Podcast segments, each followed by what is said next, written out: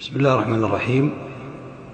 لما خرج النبي صلى الله عليه وسلم في العام العاشر من البعثة هو ومن معه من بني هاشم وبني عبد المطلب من شعب أبي طالب سعت قريش إلى تنفير أحياء العرب وقبائلها والقادمين إلى مكة من النبي صلى الله عليه وسلم ومن دينه.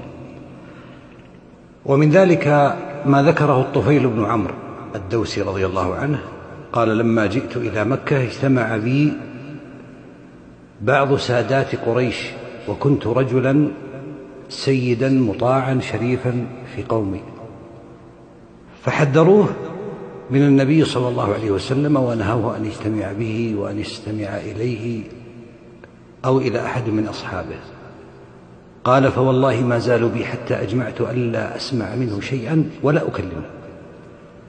ثم حشى أذنيه بالكرسف وهو مثل القطن حتى لا يستمع إلى النبي صلى الله عليه وسلم خوفا مما ذكرته قريش عنه قال فجئت إلى الكعبة وهذا أيها الإخوة دليل على أن الله عز وجل إذا كتب للمرء هداية بلغها وإن أبى ذلك.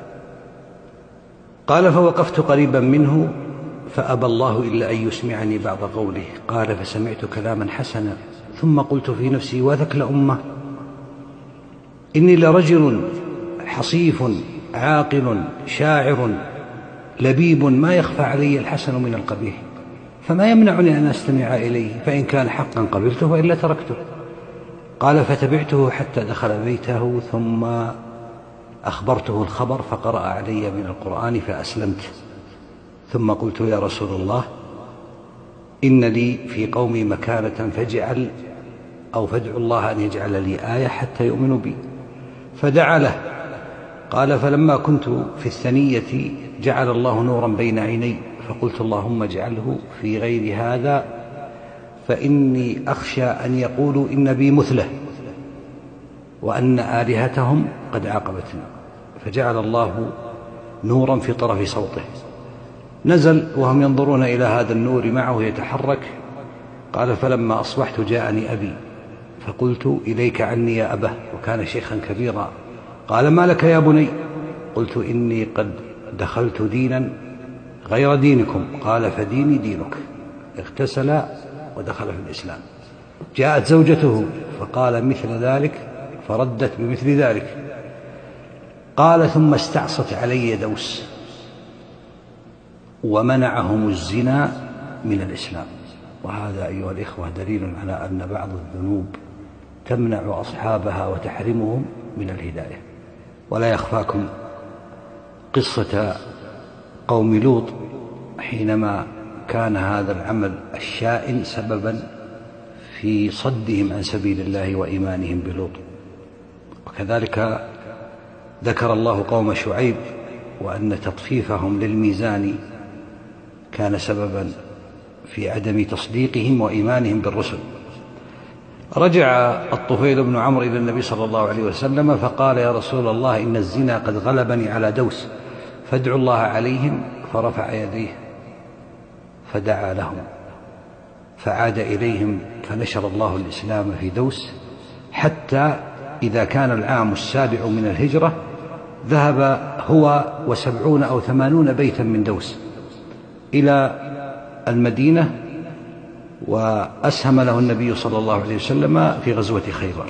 لما ارتدت العرب خرج مع ولده يقاتلان من ارتد عن دين الله. فرأى في المنام قبل غزوة أو معركة اليمامة قال رأيت أن رأسي حلق وأنه خرج من فمي طائر وأنه لقيتني امرأة فأدخلتني في فرجها. وأرى ابني يطلبني طلبا حثيثا ثم رأيته حبس عني. قالوا خيرا.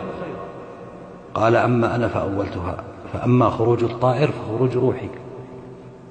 قال وأما حلق رأسي فوقوعه. يقع رأسه. وأما المرأة التي أدخلتني في فرجها فهذه الأرض. وأما احتباس ابني فإنه يطلب ما طلبت فلا يقتل.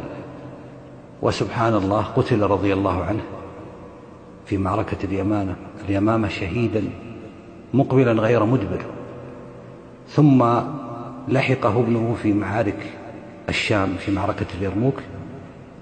فرضي الله عن الطفيل بن عمرو حينما آمن وأسلم واستمع إلى النبي صلى الله عليه وسلم ودعا قومه فكان مؤمنا داعيا إلى الله مهاجرا في سبيل الله ثم أكرمه الله بالشهادة. أسأل الله عز وجل أن يكرمني وإياكم بالخير. أقف على هذا وصلى الله وسلم على نبينا محمد.